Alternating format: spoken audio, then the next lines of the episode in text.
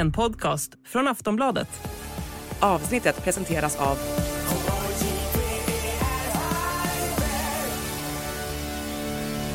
Stödlinjen.se, åldersgräns 18 år.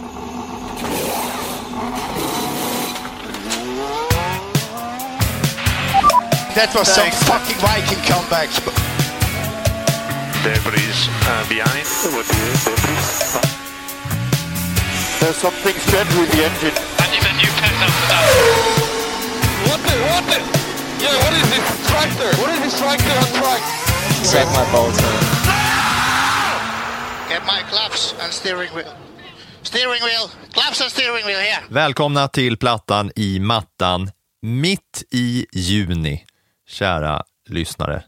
Det är den 14 juni när det här avsnittet kommer. Vi har inget race i ryggen, för senaste raceade så var det i Spanien och det var två veckor sedan, men i helgen så är det race igen i Kanada på Circuit Gilles Villeneuve. Circuit de Gilles Villeneuve. Gilles Villeneuves racingbana i Montreal, Kanada. Och det här är en speciell bana och i och med att det är en speciell bana som har namnet då av en av racingvärldens mest klassiska familjer. Kan man säga så? En klassisk racingfamilj, familjen Villeneuve. Ja, men det kan man väl göra. Det finns väl några stycken. Verstappen är väl en klassisk eh, racingfamilj också. Ja, Villeneuve är ju en klassisk eh, racingfamilj, framförallt med pappa Gilles och sonen Jack. Och det är ju många som, som tror att Gilles Villeneuve faktiskt har vunnit en VM-titel och att Jacques Villeneuve är, är då en av de få sönerna till en världsmästare som har vunnit eh, en VM-titel. Men det har han ju inte, för Gilles är ju störst, fast det är ingen VM-titel. Och det är det här som är det intressanta, att banan är döpt efter Gilles Villeneuve, legendarisk Formel 1-ikon, som aldrig har vunnit världsmästerskapet. Men det gjorde hans son Jacques Villeneuve senare då i en av de mest klassiska Formel 1-säsongerna genom alla tider. Men det som är intressant är ju att det är Gilles som är ändå den största ikonen av dem på något sätt, även fast Jack har vunnit ett VM, så är det Gilles som har på något sätt skrivit in sig med en större rubrik i historieböckerna. Ja. Har jag förstått det rätt eller fel? Det tycker jag du har förstått helt rätt. För att Gilles Villeneuve med sin Ferrari-bakgrund, han är en Ferrari-ikon. Jacques Villeneuve kom från Indycar till, och som vinnare av Indy 500 in till Formel 1.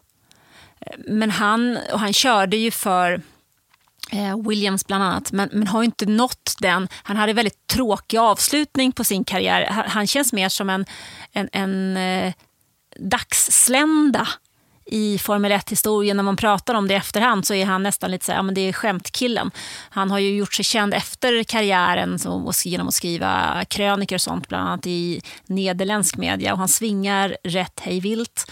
I år har han gjort sig känd för att han hoppat av ett samarbete eh, i en annan racingserie. Och det är mycket liksom, konflikter och sånt där inblandat kring honom, vilket gör att han inte alls har samma gloria. Den har verkligen, det är snarare så här, uh, riktigt snehatt på honom.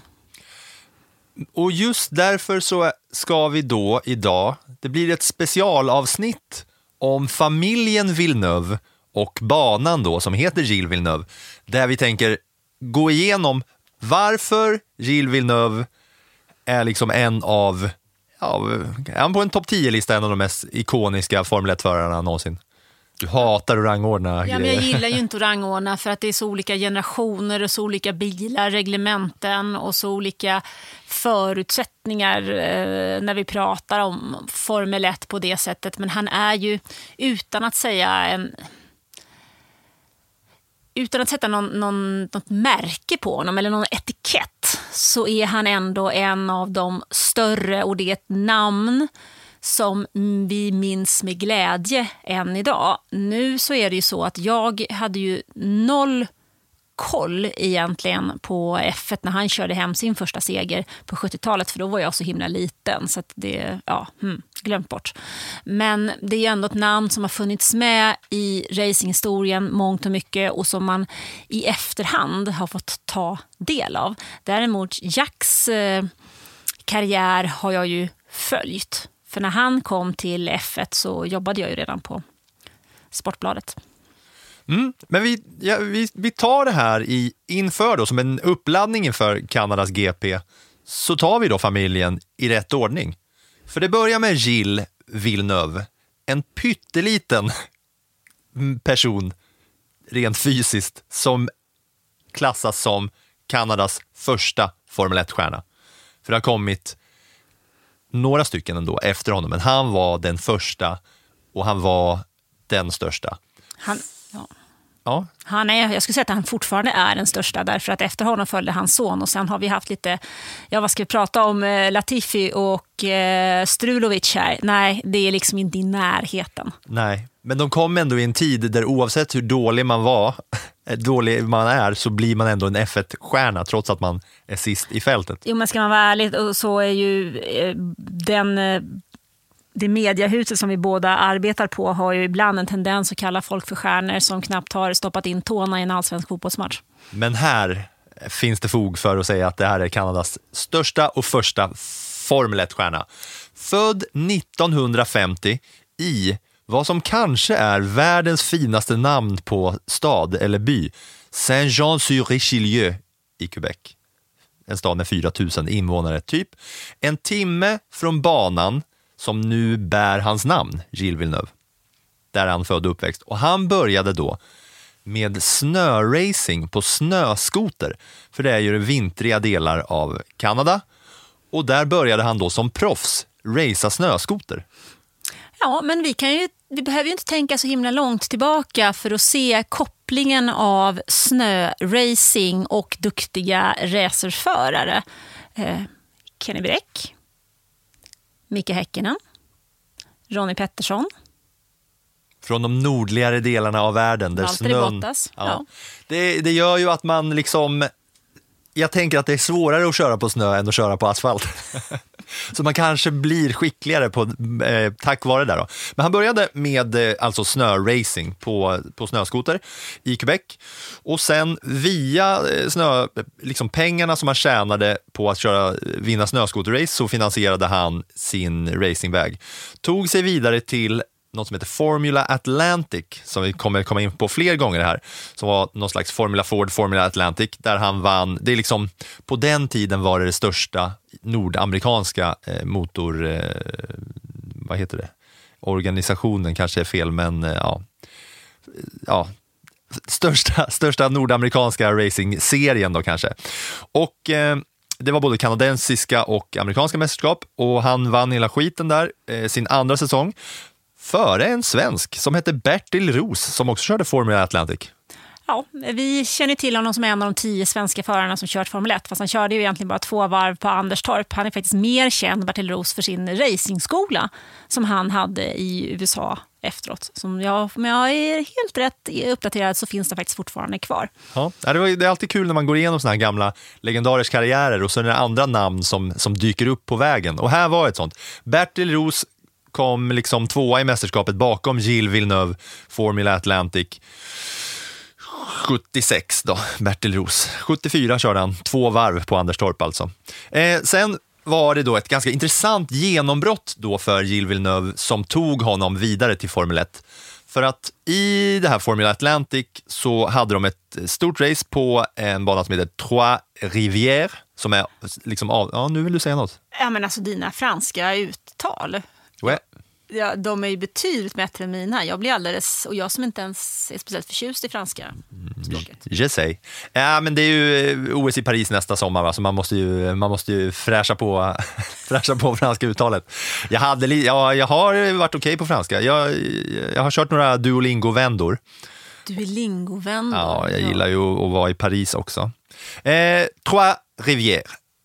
Där var det sista racet på den här säsongen och det var liksom klimaxet på den här säsongen. Och då fick Villeneuve sitt genombrott för att den här då racingorganisationen, de ville liksom göra storfest av det här racet som var i Kanada. Och då hade de bjudit in Formel 1-förare, även fast det här var då en, liksom en mycket mindre eh, racing, även fast, det var då nordamerikanska största racingorganisationen, så hade de bjudit in till storfest. Och då hade de bjudit in James Hunt, som den säsongen blev Formel 1-världsmästare, Alan Jones, som också blev eh, F1-mästare där, och sen lite fler eh, Formel 1-stjärnor som också var med där.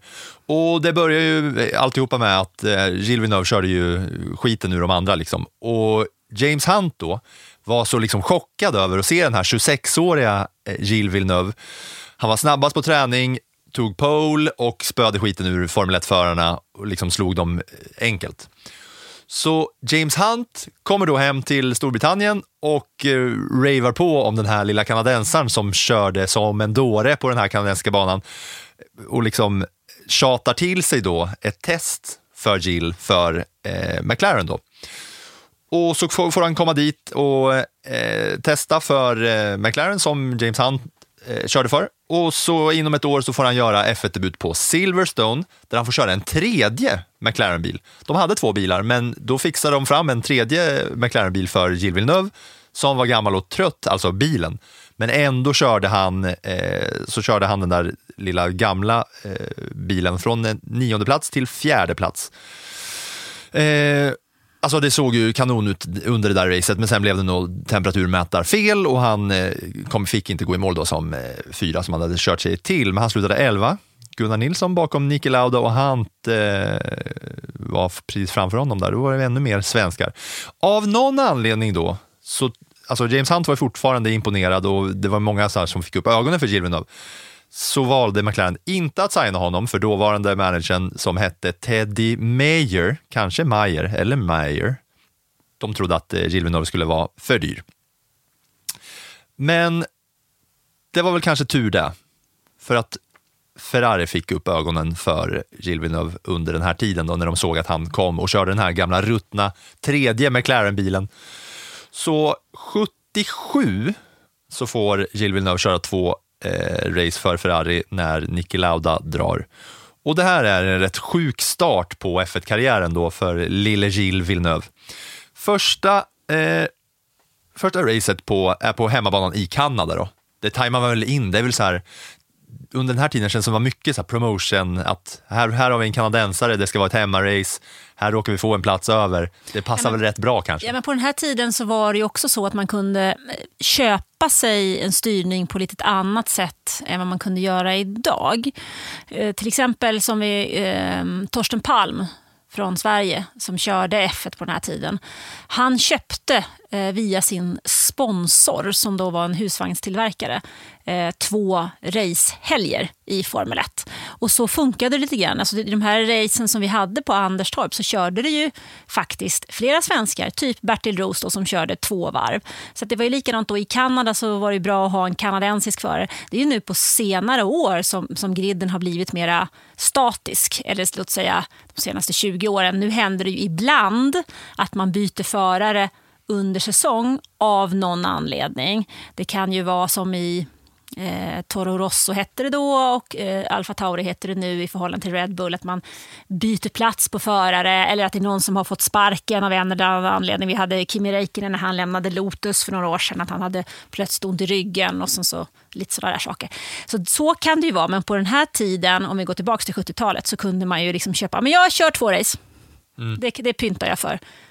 Lite Indy 500-stuk som man fortfarande kan göra genom att bara hoppa in och köra Indy 500 och sen hoppa ut ur den grejen kanske. Ja, lite så. Eh, himla krock. Alltså, en olycksrisk eh, tänkte jag faktiskt på i år under Indy 500. För många av dem som eh, fick problem inför och under racet är ju faktiskt de som inte är så frekvent mm. körandes i serien. Eh, ja, men han får köra i alla fall första, eh, banan, eller första racet där på hemmabanan och då åker han på en oljefläck och sladdar omkring. Tar sig ändå i mål där på, eh, på där GP. Men sen då, andra racet, han kör ju alltså de två sista racen eh, för då Ferrari, där han får komma in och köra eh, bilen som heter Ferrari 312 T2, klassisk eh, bil. Men han kommer tolva i Kanada körde bra men sladdade på någon oljefläck och det skider sig lite. Men sen är det Japans GP som är liksom nästa och det är sista racet den säsongen. Då, eh, på femte varvet kör han ihop med Ronnie Pettersson. Eh, Villeneuves Ferrari, den flyger liksom upp i luften för att han kör på bakifrån och landar på ett gäng supportrar eller liksom åskådare som har tagit sig in på ett förbjudet område på banan där man inte får stå. Så hans Ferrari kommer flygande, det är hans andra race i Formel 1 och landar på de här åskådarna. En åskådare och en race marshal dör i Gilles Villeneuves andra F1-start. Sju skadas allvarligt. Han liksom landar på dem med sin bil i sitt andra race efter att ha liksom åkt upp på Ronnie Pettersson där bakom. Det är en rätt sjuk start på F1-karriären. Ja, det är en mardrömsstart. Mm, Det kan man enkelt. verkligen säga. Han, hade, han pratade om det där sen och sa liksom att, att han, alltså han lider såklart med dem, men att han inte kan känna något ansvar att det var hans fel för att just att det var ett liksom, område som var förbjudet att vara på av just de här farliga anledningarna. Men rätt sjukt, flyga upp i luften och landa på en människa som dör och sitta i den här bilen. Det var liksom hans start i Formel 1-cirkusen. Eh, nog om den starten, för sen så är han ju då Ferrari-förare kommande säsong och då är vi inne på 1978. Då blir han nia under sin första hela säsong i mästerskapet. Han avslutar då med det här racet på banan som heter Gilles Villeneuve. Circuit Gilles Villeneuve. Det blir hans första F1-seger. Och det här är alltså 78 och då är det eh, kör han Ferrari och Reutemann är eh, den, ah, den andra föraren. Ja, men det som är intressant där, som gör att det hänger ihop så fint, det är ju att det, det är faktiskt första gången som Kanadas GP körs på den här banan på Ile de Notre Dame, som är en eh, konstgjord ö, byggd av det som man öste ur när man byggde tunnelbanan i Montreal till världsutställningen i slutet av 60-talet, 67 eller någonting. Sen användes den... 67 exakt var det. 67 exakt, titta har där. jag skrivit upp. Och så vänder vi på siffrorna så kommer vi till OS 76. Och då körde man ju rodd på den sjön, sjön som ligger på, vid den här banan. Eh, så att banan, första gången den dyker upp så vinner han. Han är en av ett par förare som faktiskt tagit sin första seger just på den här banan och sen har den bären hans namn sen dess. Vet du någon annan förare som har tagit sin första race där? Eh, ja, det är ju ett par stycken. Eh, Lewis Hamilton har vunnit där sitt första race, va? Och sen är det Daniel Ricciardo, men det är lite mer gamla klassiker också som har tagit sina första segrar på den där banan, va? Som är före, före modern tid kanske. Eller ja, det är väl modern tid också. Eh, Terry Bootsen 1989, Sean Alesi 1995, Hamilton då, 2007. Ett eh, race som man verkligen, verkligen kommer ihåg eftersom det var hans stenhårda kamp med eh, Fernando Alonso den säsongen. Som är en sån här, det är en sån här En av 10 000 stenhårda kamper med Fernando Alonso mellan Hamilton och han. Ja, men just den där säsongen, året 2007, är nästan värt ett eget avsnitt. Eh, med deras eh, stallfight det där året. Plus att det var en otroligt otäck olycka där Robert Kubica är inblandad. Och då vet jag att jag själv satte allt jag hade i halsen, tror jag. För det, jag trodde aldrig han skulle komma levande ur den bilen. Eh, Den BMW Sauber är det som han kör där när han kraschar så fruktansvärt illa. Men det gör han ju. Eh, Men han får hoppa över ett race, vilket leder till Sebastian Vettels karriär som gick igenom vid något tidigare tillfälle. Där är hans Jag debut. kan också lyssna på Förarnas väg Sebastian Vettel. Det finns några sådana stora avsnitt att gå igenom nu och lyssna tillbaka på. Och sen vinner faktiskt Robert Kubica i sin BMW Sauber 2008. Det är också en sån här som man minns. Alltså Sol, solskenshistoria kallas ja, det. men Sauber, det är det som är Alfa Romeo idag. Kan man tänka sig att en sån bil skulle gå in och ta en seger? Eh, nej. Och sen Daniel Ricciardo 2014.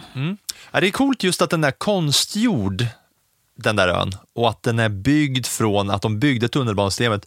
De liksom skrapar ur all skit och när de bygger tunnlarna så bara, vad ska vi göra av det här? Men hallå, vi bygger en ö. vi bygger en ö. Det är nästan som den här gamla skrönan om världens bästa bankrån genom alla tider. Känner du till den? Någonstans i Brasilien, alltså jag vet inte om det här är en sån vandringsstory eller om det är en sån klassisk eh, YouTube-grej som har gått runt. Eller så är den helt sann det var ett gäng liksom superingenjörer och ja, då, superbankrånare som i Brasilien någonstans gick ihop och ha, självklart hade någon man on the inside. Hade då en bank som de visste att de skulle råna där alla liksom pengar fanns. Det är väl snack om att det är liksom så här största bankrånet någonsin. Jag har inte kollat upp det här utan det är en vandringsstory som jag har fått till mig. Så antingen är den påhittad eller så är den helt sann. Jag väljer att tro att den är helt sann. De här supersmarta människorna köpte ett hus då, flera kilometer bort från banken, där de grävde. De hade ju liksom grävingenjörer. Och då för att göra något av all den här jorden som de liksom gräver runt så öppnar de då en blomsterhandel i det här huset som de har köpt flera kilometer bort. Så under då ett års tid så säljer de jord och blommor i den här som undercover samtidigt som de gräver den här tunneln till den här banken. På rätt eh, bank holiday så kommer de in på rätt ställe, tömmer banken på alla miljarder, eh, ja, vad det nu är för pengar och sen är de borta, huset borta, hittar de bara den här blomsteraffären där tunneln ledde till. Lång parallell till hur de byggde ön det här Circuit Gilles Villeneuve finns. Men så tänker jag i alla fall. Men det är coolt att det är på det sättet som banan är byggd. Och sen just det som du säger, historien med eh, OS i Montreal och eh, sådär. Det finns ju många minnesvärda lopp att gå igenom, men vi måste hänga kvar i Gilles karriär och det här racet. Absolut gör vi det. Det var bara en liten passus där, för jag tycker att någonstans att det passade ändå in så pass bra. För att den had, banan hade ju liksom inte det namnet, utan det hette ju eh, Circuit El Notre Dame. Min franska är ju inte i närheten av din, det kan vi konstatera. Den är två plus i alla fall. Ja, inte ens det tror jag. Men uh, den, är, ja, den, är, den är läcker. Det är en sån bana där man, är, man känner en närhet uh, till sporten på ett bra sätt. Men nu får du fortsätta. Och populär bana bland förarna. Oerhört populär. Väldigt populär. Eh, han vinner då det där racet och eh, så avslutas den säsongen. Han gör, det är väl ingen liksom dunder, eh, dundersäsong för honom, hans första hela i Ferrari. Han blir nia totalt. Sen kommer då nästa säsong, 79.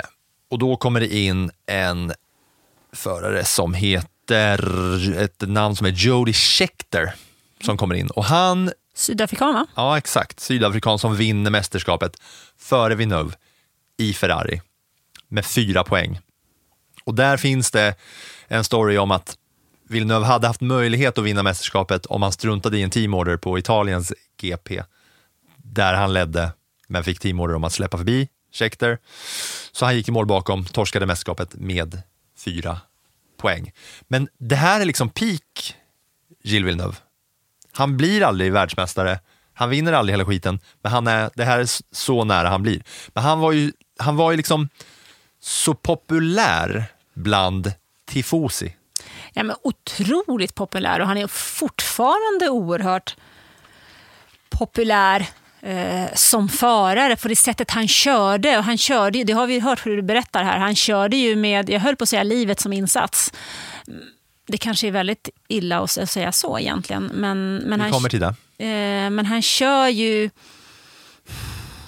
Ja, det är så många minnesvärda, fantastiska avsnitt i hans karriär där han kör så fantastiskt bra. Han kör ju som en, gud klädd i rött. Det är många som, som, eh, som har sagt liksom att han är den mest rå, på rå talang som har tagit sig till toppen. Enzo Ferrari, alltså Enzo, en av Enzo Ferraris personliga favoriter. Som har, Enzo Ferrari som har sagt, liksom så här, när de presenterar mig för den här lilla, lilla kanadensaren, denna lilla minibit av nerver, så såg jag direkt fysiken som hos den stora Novolari som är en annan gammal Ferrari. Men alltså, nu har du sagt så många gånger att han är så himla liten. Hur ja. liten var han? Nej, vi får se. Någon får slå oss på fingrarna där. Men det, det, var inte, det, var, det där var Enzo Ferraris eh, ord om att den här lilla, lilla kanadensaren, det var han själv som sa. Niki Lauda har sagt Gill var den perfekta föraren, han var den största talangen av oss alla. Och sen är det många som pratar om just hans kontroll på bilen. Och när man kollar då på så här klassiska Gilles Villeneuve-moment så var han liksom var, han klarade av mycket skit som hände kring den här bilen. Ett är eh, när han raceade på eh, eh, vad är det, på Sandfort, då får han punktering på vänster bakdäck så att alltså man ser däcket åka av. Och då kör han hela racet runt in i depån igen på tre hjul i hög fart. Det är inte så att han kör liksom långsamt i lugn, utan han, han racear för han vill ut på banan igen. Men du, alltså, nu, nu har jag varit tvungen att googla här, Filip. Ja. ja. Lilla man säger du. Han är 1,68. Ja, men det är inte långt. 1,68. Nej, det är inte jättelångt. Men tänk dig då hur lång Yuki Tsunoda eller Felipe Massa är. Som är men en... de kallar vi också små. Ja, jo, 1,68. Jag var bara tvungen att försöka klura ut här när du säger med, med dina mått mätt så kan ju liten vara, herregud, du är två meter lång. Jag känner mig liten. Ja, men om Nej. Enzo Ferrari säger den här lilla, lilla kanadensaren, då, då är det hans ord som jag citerar mer än mina egna, eh, vad jag väljer att väga in. Jag var bara tvungen att, att, att kolla. Liksom. Ja. Nej, men han blev ju populär för att han gjorde spektakulära grejer och han klarade av, eh, så här, mycket, han klarade av mycket skit. Eh, det finns ju, det är framförallt om man söker på Gilles Villeneuve så får man framförallt en fight då med, mot René Arnoux på Dijon 79. Och det är, är många som hävdar så här, ett av de bästa battles någonsin, liksom när de två mot slutet kör om varandra i varje kurva. Och eh, Arnaud har ju snackat om det här också, eh, ja, om, om den här fighten med Villeneuve. with René Arnoux second and Villeneuve go incredible Villeneuve stood on everything locked up his tyres got the line and he's back into second position on the last lap but one and the French crowd aren't very Dernier tour pour Jabouille, alors est-ce que Arnoux va sortir? Oui, Arnoux attaque! Non, il n'arrivera pas, oui, car... Et Arnoux passe! Ils sont côte à côte! C'est incroyable! Arnoux va sortir! Ils sont fous! C'est de la folie ce dernier tour Ils se chaque qui mieux mieux. Attention, deuxième, c'est de la folie. He's got second position he's through. They bang wheels. He's off he's off and he's back again.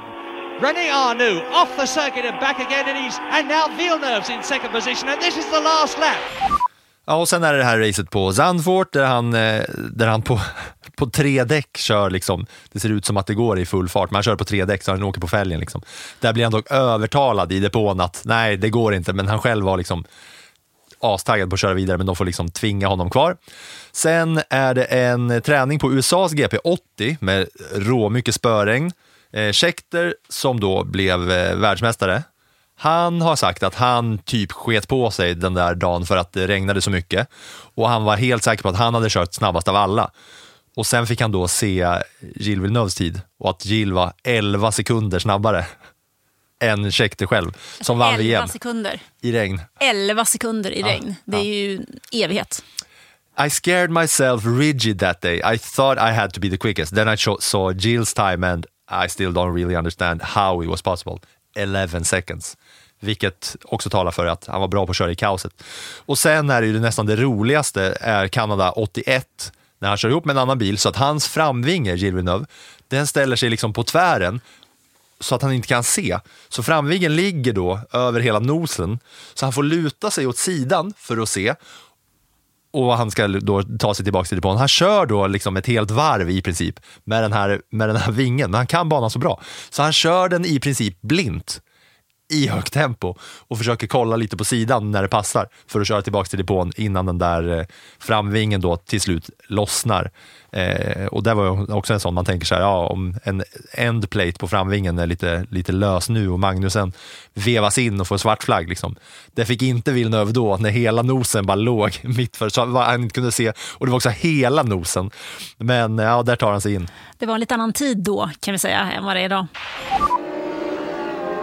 Oh, and look at that wing. Gilles Villeneuve's in real trouble. Gilles Villeneuve's front wing has gone right up in front of him now. I am sure he has to be black flagged. There is no way that they will allow Gilles Villeneuve to continue around this racetrack. Uh, Gilles' visibility now is almost nil, as you can imagine. That thing is only a matter of, I would say, two or three feet from his uh, from his line of vision, and so therefore he's driving blind to a very large extent. It's, and it's fallen off. It's fallen off. It went under his car. He's gone sideways. He's managed to collect it again through incredible car control. Och här var han ju då, nu har vi tagit oss till 82. Och det är då, som för flera andra av de mest ikoniska förarna, där det tog slut för Gilles Villeneuve på banan. I kvalet till Belgiens GP 82 på banan som heter Zolder. Ja, det är i slutet av kvalet. Åtta minuter kvar när han eh, kommer runt en kurva. Och där kör Jochen Maas som är betydligt mer långsam. Maas eh, tänker sig släppa förbi Villeneuve. Går ur spår. Men eh, Villeneuve väljer samma spår och han håller väl en 200-220 kilometer i timmen. Bilen lyfter, fronten flyger.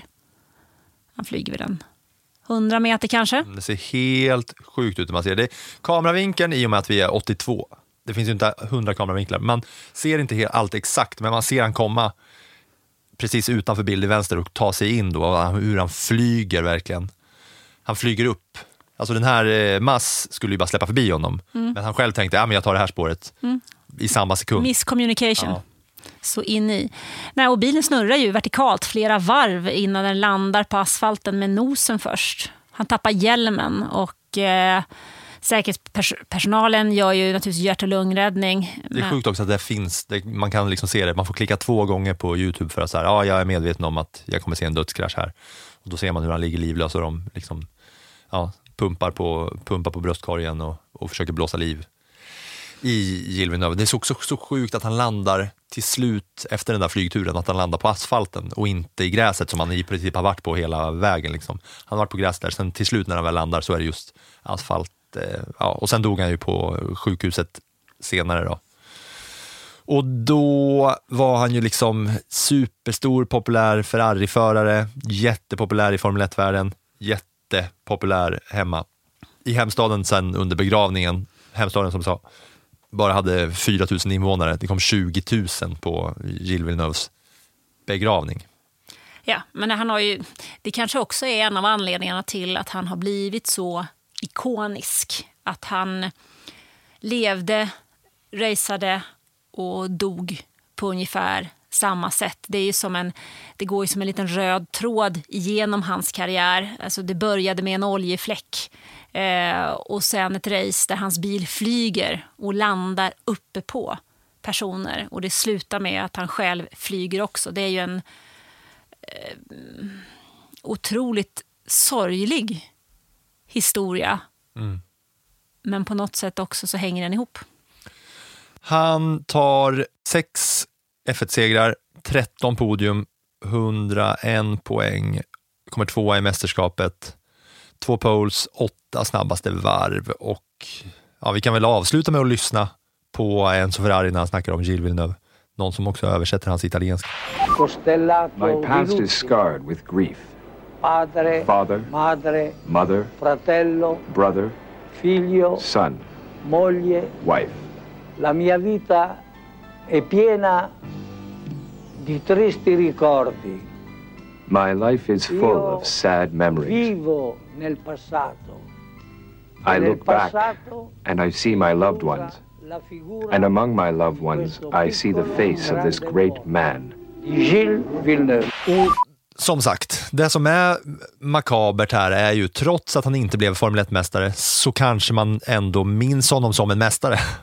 På något sätt. Men lite så är det för många Ferrari-fans. Så var han ju en mästare som aldrig blev en mästare. Lite som Ronnie Pettersson. Vi minns ju Ronnie Pettersson som en mästare fast han aldrig blev mästare. Och den här tiden för ju med sig någonting också. Alltså Ronnie Pettersson eh, gick ju bort 1978. Gilles Villeneuve eh, omkommer 1982. Det är fyra år däremellan. Och det är ju under en del av Formel 1, eller en tid av Formel 1 som är, har en mörk historia, ett mörkt moln hängandes över sig. För det var väldigt många olyckor och flera av dem med eh, dödlig utgång. Idag så, som tur är, så upplever vi ju inte motorsporten och framförallt inte Formel 1 på det sättet. Visst, det har skett det sker fortfarande olyckor. Det har också skett dödsolyckor under 2000-talet. Men inte Men nu ser man också olyckor som borde bli dödsolyckor som inte blir det. Typ Jan Zhou och några andra som har voltat i de senaste åren. Ja, jo, men så är det. Idag så, idag så lever vi inte med samma dödshot runt oss. En, en eh, racerförare idag vet ju att det som han sysslar med är, kan vara farligt. Men under den här tiden, 70-talet, början av 80-talet, så var det inte bara för, farligt. Utan en eh, Formel 1-förare visste ju faktiskt när de startade ett lopp att det inte var säkert att de ens gick i mål eller var vid liv när loppet var slut. Mm. Ja, Gilles Villeneuve alltså.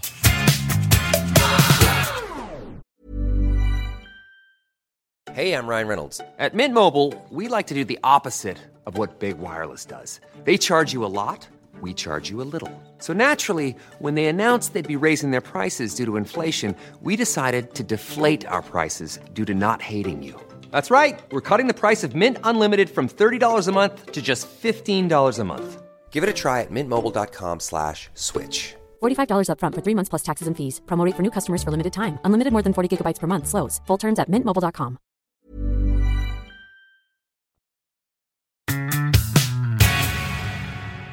Och sen ska vi ta oss vidare då i Villeneuve-generationerna.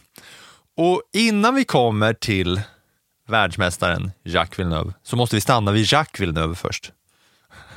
För, det, för han hade en brorsa som hette Jacques Villeneuve. Gilles Så- Villeneuve, Villeneuve ja, hade en brorsa. och det är här som är intressant, att för världsmästaren Jacques Villeneuve, han är Jacques Junior, men han är inte Jacques Junior för att hans farsa heter Jacques, utan det är för att hans farsas brorsa heter Jacques, som också körde racing, som gjorde samma liksom eh, Ja, han gjorde absolut inte samma, samma resa mot eh, Formel 1-historien och ikonstatus. Men han körde också snöracing som, eh, som sin brorsa Gilles och sen så debuterade han på den här Trois Rivières, det här Grand Prix. Eh, kvalade sig till liksom tredje raden framför massa F1-förare, precis eh, likadant. Eh, och sen så, och, ja, han körde det där loppet i Formula Atlantic eller vad det nu var och sen eh, 92 så blev han särskilt uppmärksammad och då tävlade han mot Jack Junior, som alltså heter Jack Junior för att han är farbror till Jack med samma namn. Då tävlade de. Sen eh, gjorde han sig några försök i F1 eh, tre gånger, blev did not qualify de tre gångerna. Men sen kommer vi då till Gilles Villeneuves son Jack Villeneuve, som är Jack Junior. Och där har vi Kanadas första världsmästare. Och som du sa, känns lite som en dagslända ändå. Ja, men han var ju verkligen upp som en sol och sen föll han väldigt hårt med ett magplask rätt ner i Atlanten. Ja, det gick ju... Det var verkligen upp som en sol, för han kom och liksom... Han kom med buller och bång in i, i Formel 1. Ja, men det är att, ja, men så, så får man väl ändå, ändå säga att det, han är, vad är han, 10-11? 11 måste han vara, född 71, va? så han måste ha varit 11 när hans pappa gick bort. Så är han då klart medveten om vem hans pappa var, vad hans pappa har gjort. Eh, farbror följer med honom på racing och man, han startar den vägen. De började köra go-kart ihop. Farbrorn alltså, Jack och Jack Junior. Ja, och han kör lite olika. Han går, han går liksom en, en klassisk väg mot någon slags motorsport och landar ju först i Indycar. Det är ju där som man framförallt minns honom ifrån och där gör han ju också succé egentligen. Mm. Alltså- ja, vi, vi, ska ta, vi ska ta oss till Indycar. Vi vill bara ta, liksom uppväxten måste ju vara så jäkla speciell ändå. Växa upp som barn till en då Ferrari-ikon. Eh, och sen då få se, jag vet, inte, ja, jag vet inte om han såg det med egna ögon live, det kanske han gjorde, men att få uppleva att bli av med sin pappa då, när man själv är 11 på racingbanan. Ja, det finns ju Damon Hill, eh, även om hans pappa omkom i en flygolycka. Eh, han har ju varit mycket väl medveten om hela vägen eh, eh i sin karriär vem hans pappa var, Graham Hill, som ju är den enda förare faktiskt som har vunnit den här Triple Crown of Motorsport, alltså Monaco GP, Indy 500. Kanske förtjänar ett eget avsnitt också va? Eh, så småningom ja. Eh, och Le Mans. ext- Le Mans. Ja, ja, exakt. Morsan har i alla fall sagt att hon visste att Jack skulle köra Formel 1 när han var fem år gammal, så visste hon om det här. Liksom. Mm, Det berättade han då säkert också när han var fem år gammal. Ja, men, ja. ja, men sen från då, som det här är från morsan berättat, att från att eh, pappan dog så ändrades då, för Jack var liksom supermålmedveten om att han skulle bli racingförare, men att han fick en lite annan approach och liksom vis, kunde visa lite så här rädslor för farorna eh, och mindre intresse för motorsport då efter det där. Men sen ett par år senare så hade han ändå liksom så här, då frågade han så här, kan jag få bli racingförare? Och då svarar morsan, ja, om du blir bättre på de, din, de ämnena som du är sämst på i skolan. För morsan ville ju egentligen att han skulle, i och med att han hade, hade liksom var uppväxt i race, med racinggenerna, så hon tänkte så här, ja men han kan väl ändå bli en smart aerodynamic eller mechanical engineer eller vad det nu kan heta på franska. Eh, i början så fick han massa gokart-erbjudanden tack vare då farbrorn Jack Villeneuve. Sen skulle han gå på racingskola där någonstans i Kanada. Eh, morsan var så här, jag kan inte betala för det här helt och hållet, så, du, så då började han jobba på något slags eh, mekanikutbildningsprogram som han finansierade på det sättet. Men sen blev det den lite mer moderna vanliga vägen som vi känner till. Formula 3 med Prema, lite underserier. Det var, han, var liksom inte, han kom inte in med buller och bång i alla underserier innan F1 och eh, Indycar som det var. Han körde F3 i Europa och så körde han i japanska F3. Där körde han för ett team som heter Toms. Det känner vi igen. Det känner vi igen, Anna. Varför då? Marcus Eriksson körde i Japan för Toms under eh, sin karriär. Samma som Jack Junior Villeneuve. Men sen slog han ju igenom på riktigt när det blev Indycar. Jag har skrivit Indycar slash Indy slash kart för att eh, det finns så många olika namn på det här så jag vet inte ens vilket vi ska ta, men alla fattar vad, vad han körde i alla fall. Amerikansk formelbilsracing, den högsta serien, typ ish. Exakt så, 94-95. Och här går han också i sin pappas fotspår genom att i sin debut i en av de största racingligorna krocka med en svensk i debuten. För han kör ihop med Lill-Övis i sin Indycar-debut. Det är, ändå, det är ändå intressant att i debuten för Gill så kör han ihop med Ronnie Pettersson och sonen Jack, många år senare, kör ihop med Lill-Övis. Ja, vi får fråga, prata med Stefan om det nästa gång vi snackar med honom. Ja, sen är det lite mer krascher och sådär i början av Indycar-karriären innan han i sitt första Indy 500 kvalar in som fyra och går i mål som tvåa första gången han ska köra det. Och det är ju impact, att komma som debut och göra det. Eh, definitivt. Och grejen är ju att året efter så vinner han ju också Indy 500. Han är ju en av de där eh, som fortfarande nämns ibland när det gäller Eh, motorsportens eh, triple crown. Ja, Året efter så vinner han alltså Indy 500 och hela mästerskapet genom att ta fyra segrar och sex stycken pole positions.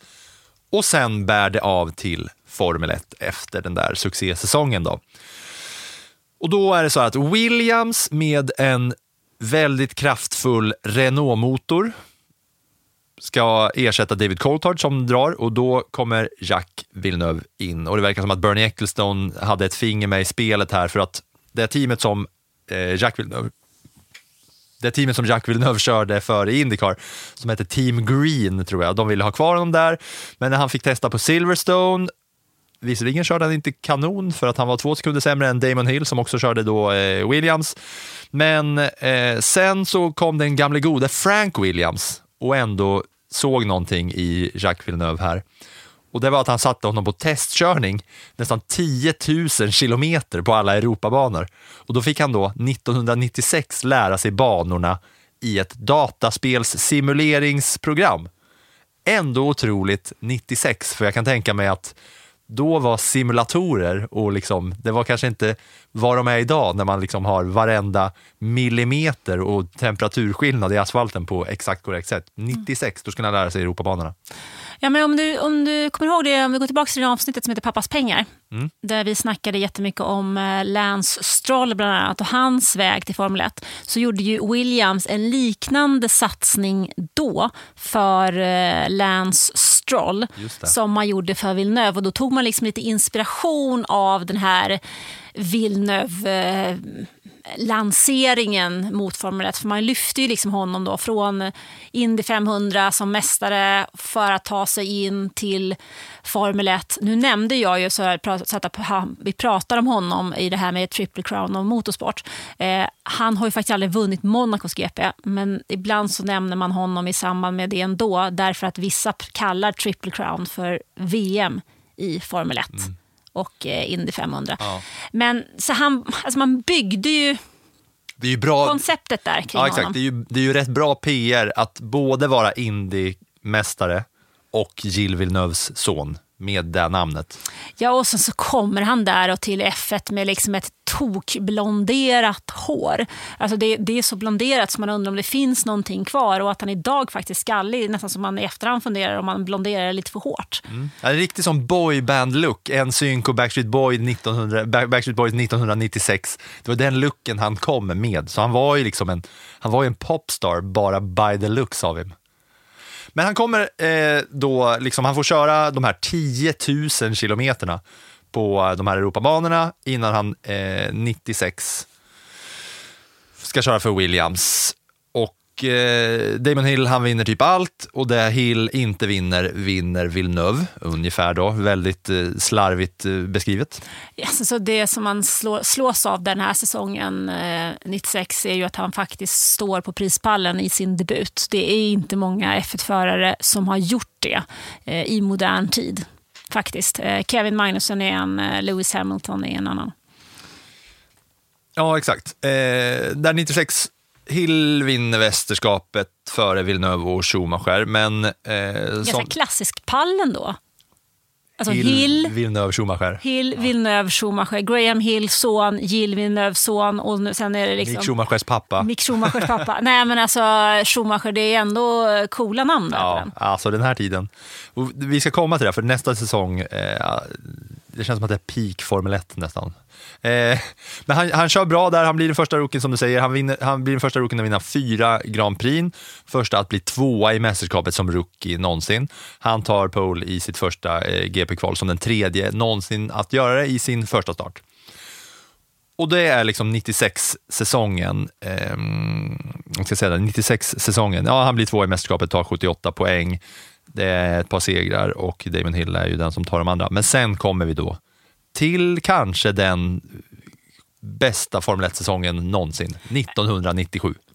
Alltså den är ju cool. Jag tycker ju att säsongen 76 mellan Lauda och Hunt är fantastisk. Jag tycker också att säsongen 2021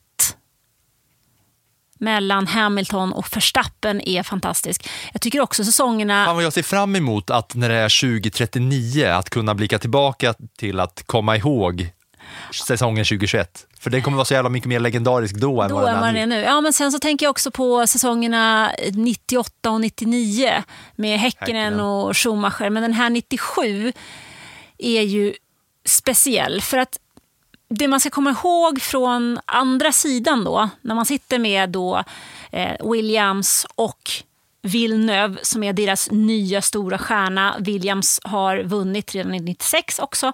På andra sidan sitter då Michael Schumacher eh, som kör för Ferrari. Han har vunnit två VM-titlar tillsammans med Benetton, blivit utskrattad i depån som någon slags t-shirtförsäljare, bestämt sig för att gå till Ferrari för att upprätta Ferraris ja, legacy egentligen. Eh, I sitt team så har han då Ross Brawn, han har eh, Sean Tott, han har eh, Nigel, Nigel Stephanie och han har Rory Byrne. Det, det är liksom skär, kärnan i det här gänget. Och de ska då 96-97 börja komma någonstans. I efterhand vet vi att det tog ända fram till år 2000 som de faktiskt vann någonting. Men vi ska veta här att det byggs ju upp någonting här mellan privatteamet, Williams, som då är grymma, och Ferrari som väntar på någonting och vill någonting. Och Det måste man ha med sig in, för det är ju, den här säsongen handlar ju egentligen om så mycket mer än bara Schumacher mot Villeneuve. Den handlar om det klassiska gamla teamet Ferrari som varit med sen urminnes tider, sedan 1950, som är ett landslag. Och privatteamet Williams. Sir Frank Williams Williams. Ja, men det är ju ändå kampen. Villeneuve, Schumacher, som Jo, men- när man kollar på highlights. Ja, ja, Ja, ja. men, ja, men jag menar att den kampen byggs ju upp av allt det här runt Ja. omkring. För hade man isolerat de två så hade det varit en kamp så. Men det runt omkring gör ju att det blir Ja, typ sju gånger större än så. Ja, exakt. Eh, för, för Hill, han drar till Arrows och då blir Villeneuve första stolen. In kommer klassiska namnet som jag blev så jävla glad av att se när jag gjorde min research här. Heinz Harald Franzen. Frentzen. Alltså det är ett av de bästa namnen i Formel 1-historien. Heinz Harald Frentzen. Du på tyska, hur säger du? Heinz Harald Frentzen. Så ja, tack. Men du, det är lite roligt med det. När du bara blåser upp Heinz Harald. Nu har jag en, en annan helt eh, off-historia med Kör. den här storyn. Ja. Vet du vem Heinz Harald Frentzen var tillsammans med? Självklart inte. Flickvännen. Hon heter idag Corinna Schumacher. Är det sant? Ja. Wow! Här kommer du med F1-slisk igen. Det var någon annan gång du körde. Det var Verstappen-avsnittet när du snackade om... Någon gång du drog så. upp eh, Verstappen-slisket. Jaha, så Heinz Harald var alltså ihop med Michael Schumachers... Mick Schumachers mamma. Ja. Ja. Blev, han, blev, han liksom, blev hon stulen på samma sätt som att eh, Schumacher kom och blev bättre än Heinz Harald och så tog han, tog han både styrning och fru. Likt Verstappen gjorde med eh, eh, Kviat. Ja, P- eh, Piqué ja, som var ihop med Kvyat. Ja. Jag kan exakt, inte riktigt exakt svara på hur deras relation eh, kom eller gick eh, men bra- och var den tog slut. Men jag slisk i alla vet i alla fall att eh, eh, det var så. Sen kan det ju ha varit en stund senare eller tidigare som de var ihop. Jag har Ja. icke koll. Men jag vet att hon i början av 90-talet så var Corinna Schumacher ihop med Heinz Harald. Otroligt. Så det kunde, bli, det kunde bli andra barn som körde F1. Det vet jag inte, men eh, har du någon mer info på Heinz Harald och Corina? Blev de snodda, snodde Schumacher Heinz Haralds tjej eller liksom, var det vänsterprassel och snedsegling? Och, eller hur gick det till? Eh, det, verkar vara en, en, en om det nu var en skandalskytte så rätt, rätt snyggt. Alltså. Men det finns, om man går tillbaka så finns det bilder på Corinna och Heinz Harald från slutet av 80-talet, början av 90-talet. Eh, och det verkar som att de gjorde slut någon gång i, i mars 91.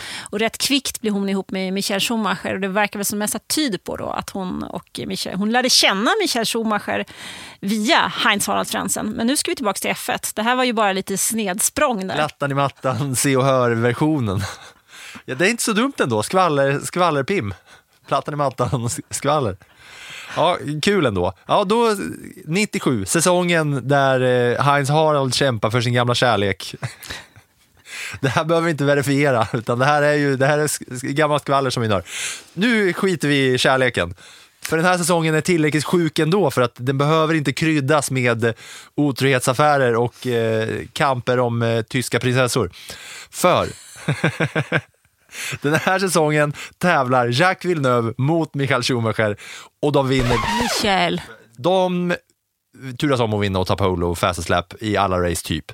Summa summarum av den här säsongen, det är ju hur många kamper som helst under den här säsongen.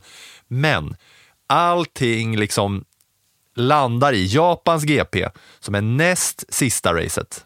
Ja, jag vet, du skakar på, jag ser att du skakar på huvudet här för att du vet att det är sista racet.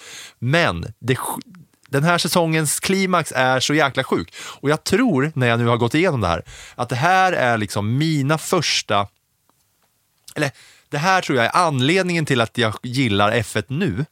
För att jag 97 upplevde det här som mina första liksom, motorsportminnen på tv. Förutom att liksom köra Colin McRae Rally och Toka 2 på PC. Så jag jobbade ju här då. Ja, Ehm, och jag var åtta. ja. Ja, jag var åtta här. Men jag minns det på tv att just de här, Heinz Harald Frentzen, Jacques Villeneuve, för jag kommer ihåg min brorsa höll på Jacques Villeneuve av någon jävla anledning. Han bryr sig inte om, brydde sig inte om Formel 1 mer än vad jag gjorde då. Vi var liksom sju och tio. Men eh, något slags minne av att det här satt vi och kollade på. Jarko, du vet, vår fantastiska redigerare, han hatade ju Michael Schumacher över allting. Alltså du vet, det bara slog så här i ögonen. Just de här åren, de här, och sen ska vi inte prata om de två åren som följer efter sen med Jo, det ska Mika vi. Häkkinen. vi ska, nej, det ska vi väl någon gång när, vi, när det är förarnas väg, Mika Häkkinen. Men nu så, så kommer vi, alltså alla vet, eller alla vet inte, men det som händer är att det är ett super mega klimax i sista racet mellan Jacques Villeneuve och eh, Schumacher.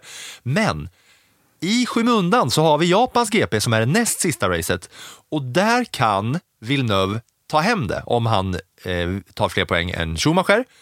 Men Alltså han kan bli världsmästare där och då i Japans GP med två race kvar då.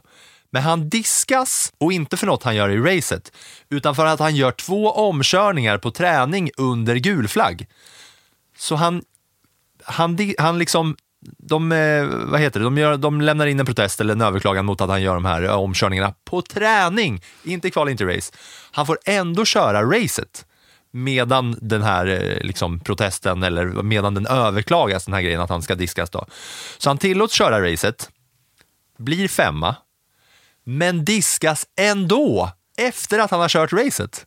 Vilket är helt otroligt bara där. För hade han, hade han liksom styrt upp det där ordentligt så hade han kunnat bli världsmästare. Men istället så landade det då i det sista racet. Ja, men då har vi ju mormors buss igen va? Ja, men det är ändå otroligt att det är på träning. Det är en sak att klanta sig på race eller liksom vara överila och göra liksom, ja, Men är, är, inte, saker. är det inte signifikativt för familjen Villeneuve? På något sätt ändå. Vad menar du? Ja, men att det går ibland lite väl fort. Och inte alltid helt övertänkt. Ja, Ska man köra på tre hjul eller inte? absolut. Så är det. Men det, det som det då leder till är att det blir ett ännu större klimax eftersom att då ska... Det, ja, det är d- råmega crescendo eftersom att det ska avgöras på sista. Det, är ju, det enda som är mäktigare än att avgöra i näst sista är att avgöra att det ska avgöras i det sista racet.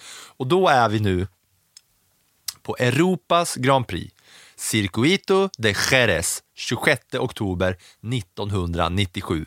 Williams är redan klara konstruktörsmästerskapet och efter Japans GP så har Schumacher 78 poäng och Villeneuve 77 poäng. Det är lite Hamilton-Verstappen fast ännu värre.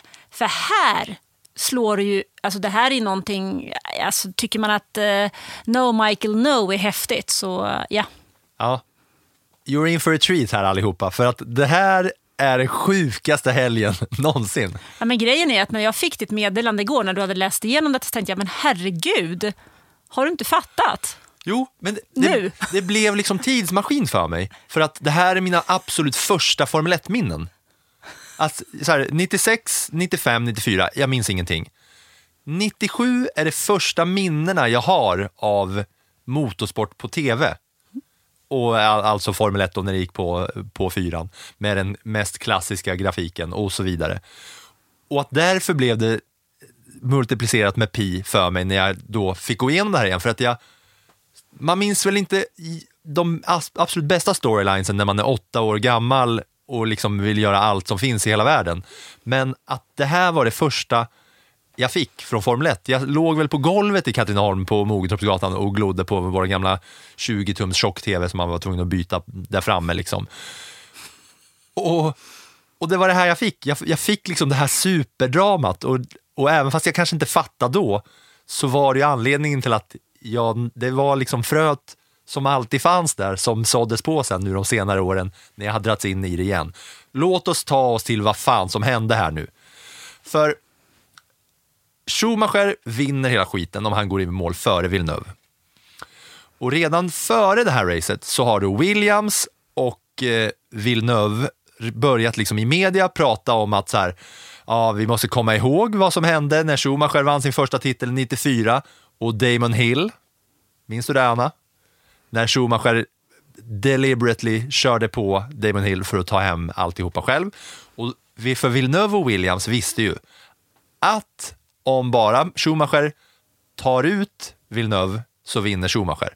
Är det kamp mellan dem och båda kraschar så vinner Schumacher hela mästerskapet. Ja, och i, det här, i de, här, de här åren eh, är ju eh, några av de svartare i eh, Schumachers eh, karriär. För att han, når ju, han har ju inte materialet att nå dit han vill och då försöker han med alla möjliga andra vägar som ibland inte bara är felaktiga utan även farliga.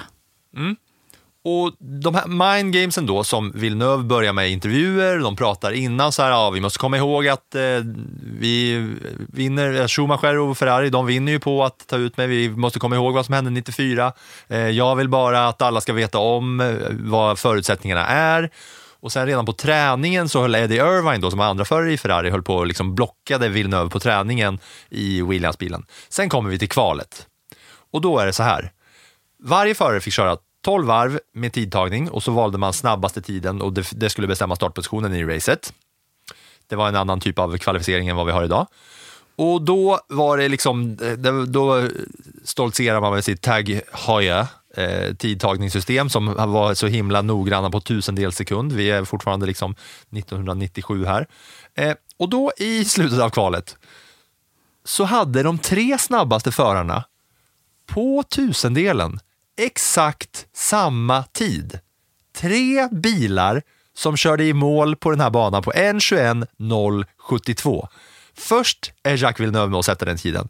14 minuter senare kommer Schumacher ut med samma tid och 9 minuter senare kommer Heinz Harald och också sätter 1.27.072, vilket är helt jävla sanslöst. På tusendelen samma tid. Det är otroligt i kvalet. Så de här tre bilarna då kvalar in på exakt samma tid i det sista racet som ska avgöra säsongen som står mellan Schumacher och Villeneuve. Då gäller det att man satt tiden först ju. För den som har satt tiden först får då pole position. Det var så reglerna var vid den tiden, ja. vilket ledde till att Villeneuve fick pole position, Schumacher tvåa, Heinz Harald trea. Och om då kvalet var dramatiskt så kommer vi då till racet. Villeneuve längst fram. Det har kommit liksom, kom filmer efteråt om att det kom ut någon blå vätska ur Villeneuves Williams där precis innan start. På, påstår att de inte, att det inte påverkade bilen. Men Villeneuve gör en dålig start, tappar ledningen till Schumacher direkt och även eh, Heinz Harald kör förbi.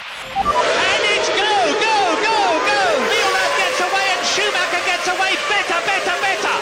Michael Schumacher leads and up alongside Villeneuve comes Heinz Harald Frentzen. Damon Hill is there too. But Coulthard has come through. Mika Hakkinen is up there. Fantastic start. Let's hope there are no collisions.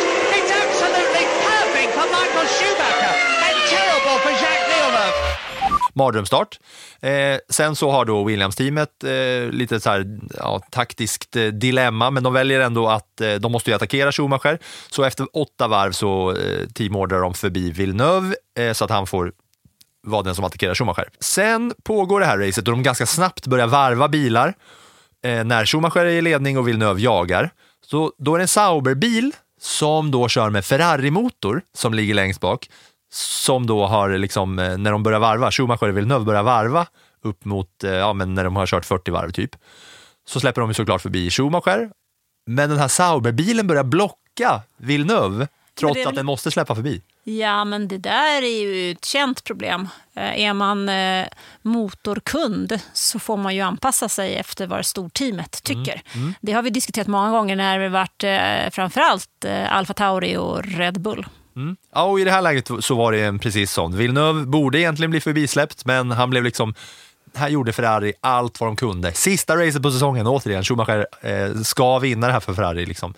Eh, och den här eh, föraren i Sauberbilen, han har erkänt sen att han tvingades av Ferrari att blocka Villeneuve för att de hotade med så här, ja men du inte gör det, då blir du av med styrningen om du inte bromsar in eh, Jack. Eh, sen är vi på varv 47. Det är två varv efter att eh, Villeneuve precis har gått in och bytt Eh, till fräscha däck. Så han har spanat på en kurva där han har liksom varit uppe och nosat på en omkörning flera gånger, men Schumacher har lyckats stänga till. Men här kommer han på fräscha däck och han vet om här att om han tar den här kurvan och är först längst fram så kommer han få köra förbi Schumacher. Så han har en perfekt slipstream, går på insidan av Schumacher i den här eh, skarpa högerkurvan.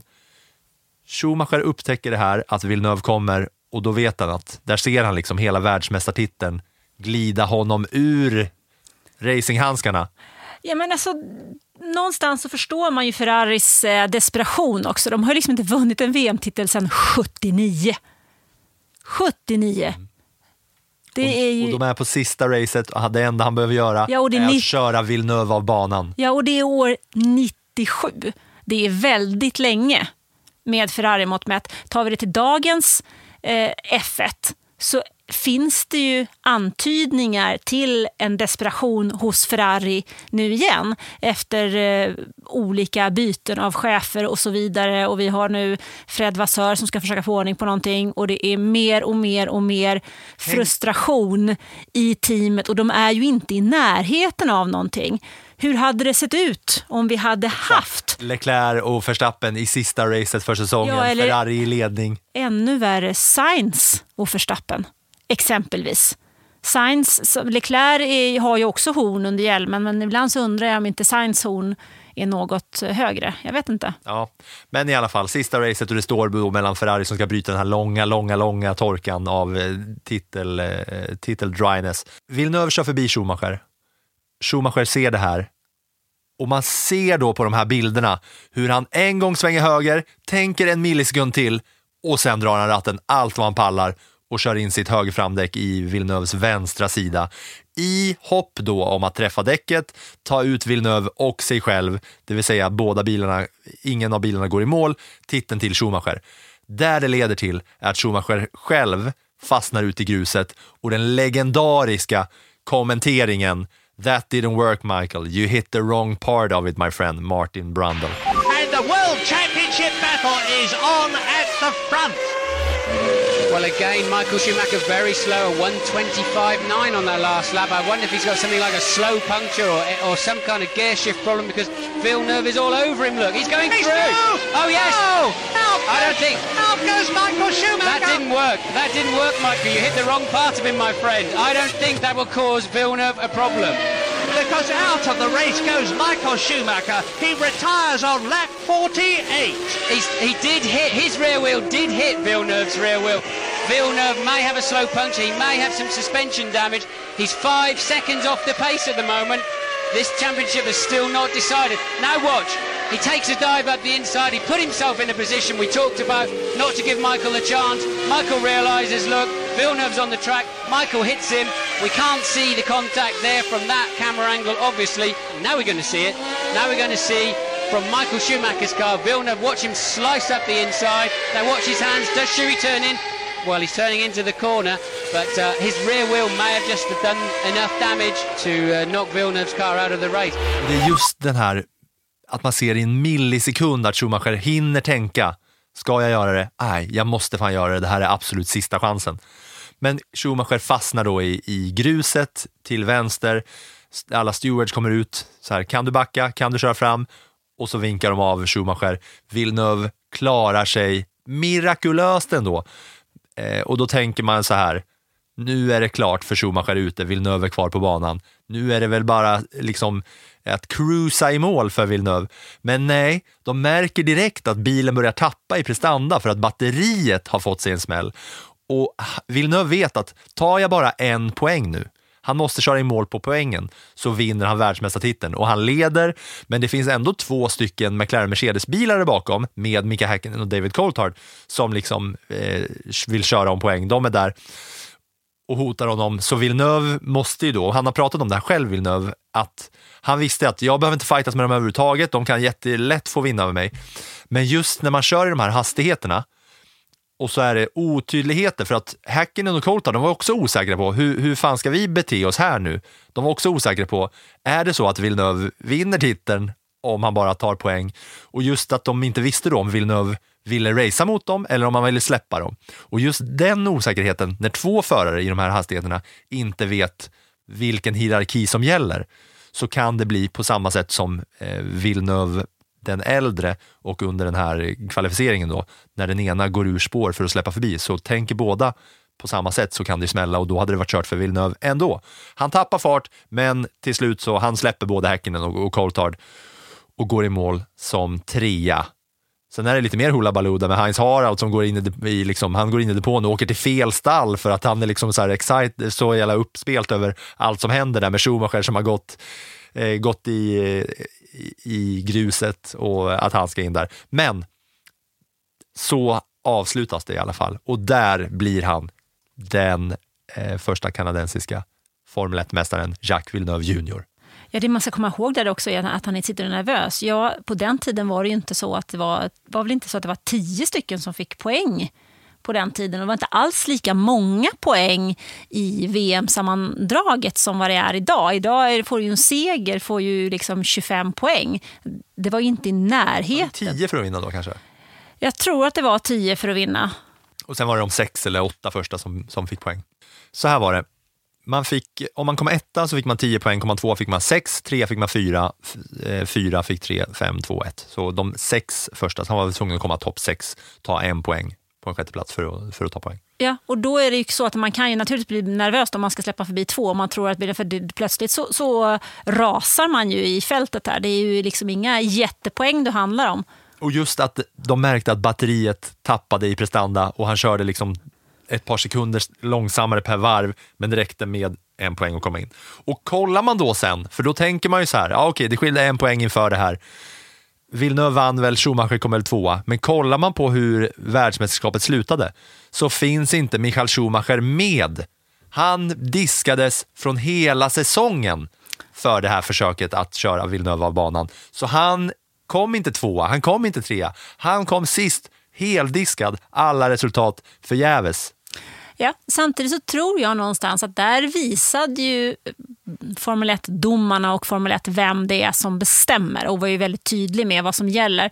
Och även om Michael Schumacher har fått poängavdrag efter det för lite tveksamheter så rensar han ju verkligen upp i sin körning eh, efter det här. För den här typen av incidenter som 96-97 har vi inte varit med om på samma nivå efter det, även om han inte alltid var den eh, schysstaste killen i startfältet. Jag rekommenderar varenda människa som jag någonsin stött på att gå in och kolla på när Schumacher kör in i sidan på Villeneuve på Europas GP 1997.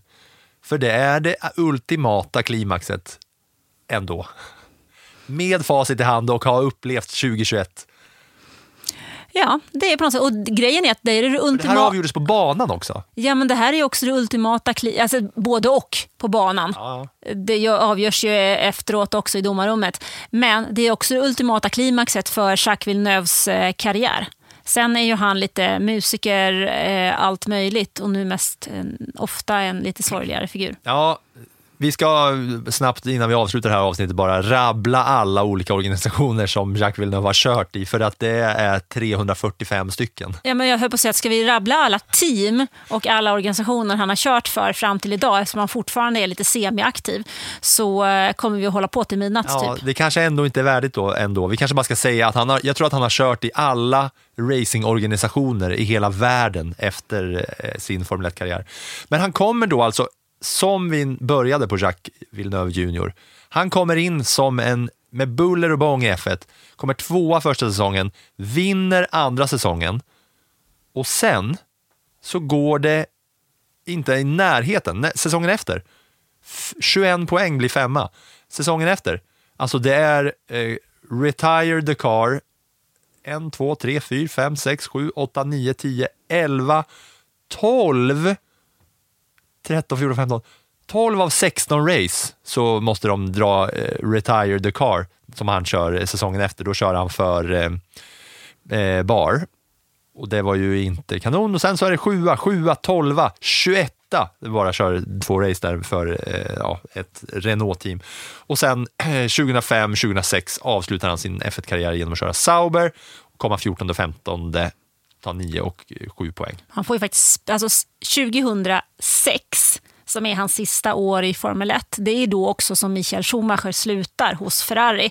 Då har ju alltså, eh, samtidigt som Schumacher har Hans karriär har gått uppåt med fem eh, VM-titlar från 20, 20, 20 000 säger jag, från år 2000 till 2004. Och sen har han två fighter med Fernando Alonso 2005 eh, och 2006. Så han lägger ner sin karriär. Det är ett stort eh, enormt medieuppbåd när han ska avsluta sin karriär. Det är till och med så att McLaren inte vill presentera Lewis Hamilton under hösten för att allt ljus ligger på Michael Schumacher. Sommaren där innan, efter typ 12 lopp den säsongen, så får ju Jacques Villeneuve sparken från BMW Sauber och ersätts av Robert Kubica. Eh, och jag minns vid något tillfälle, jag var någonstans på något race, jag kommer inte ihåg vilket det var. Och en av de få sakerna jag minns därifrån det är hur han sitter liksom i sitt motorhome där och, och lirar gitarr. Eh, Villeneuve som någon slags eh, halvsorglig cowboy på väg ut. Känns som en Bradley Cooper i Star is Born-vibben. Eh, ja, det var, eh, på något sätt så var det bara sorgligt. Ja, men just att han kommer in och tvåa första säsongen, ett andra säsongen. Ja, men det är så här. Och sen, det är ja. tvärs, det är, det är fritt fall på den. Ja, det är, det är också det som gör Jacques Villeneuve till en sån klassisk F1-figur.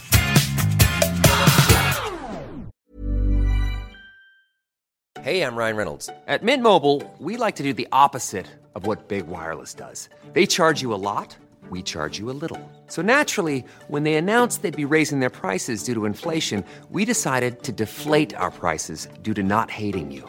That's right. We're cutting the price of Mint Unlimited from $30 a month to just $15 a month. Give it a try at mintmobile.com slash switch. $45 upfront for three months plus taxes and fees. Promo for new customers for limited time. Unlimited more than 40 gigabytes per month. Slows. Full terms at mintmobile.com.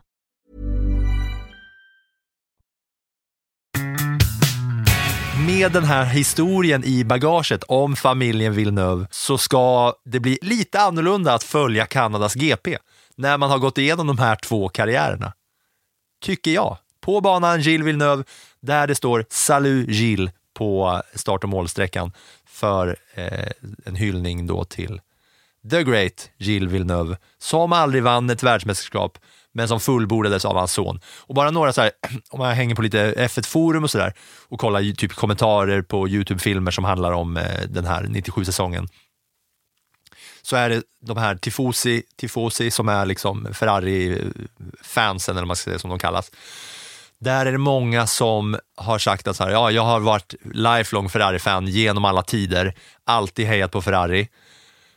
Men säsongen 97 så höll jag på Jacques Villeneuve för att han skulle fullända sin fars legacy genom att vinna en världsmästartitel. För Villeneuve är ändå en så pass liksom Ferrari-förankrat namn att de ändå höll på Jacques Villeneuve i en Williams mot Schumacher i en Ferrari för att då det ska bli värdigt ikonen och Ferrari-legendaren, legenden Gilles Villeneuve.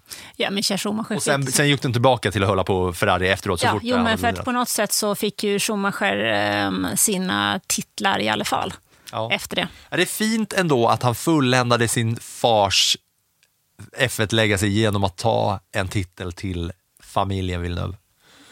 Det tycker jag är otroligt. Vilket eh, avsnitt det här har varit och vilken rolig, eh, vilken rolig nostalgisk tripp jag hoppas det har varit för er som har lyssnat. Jag rekommenderar alla att gå in och kolla på klimaxet av den här säsongen som avgjordes då på Europas GP 1997.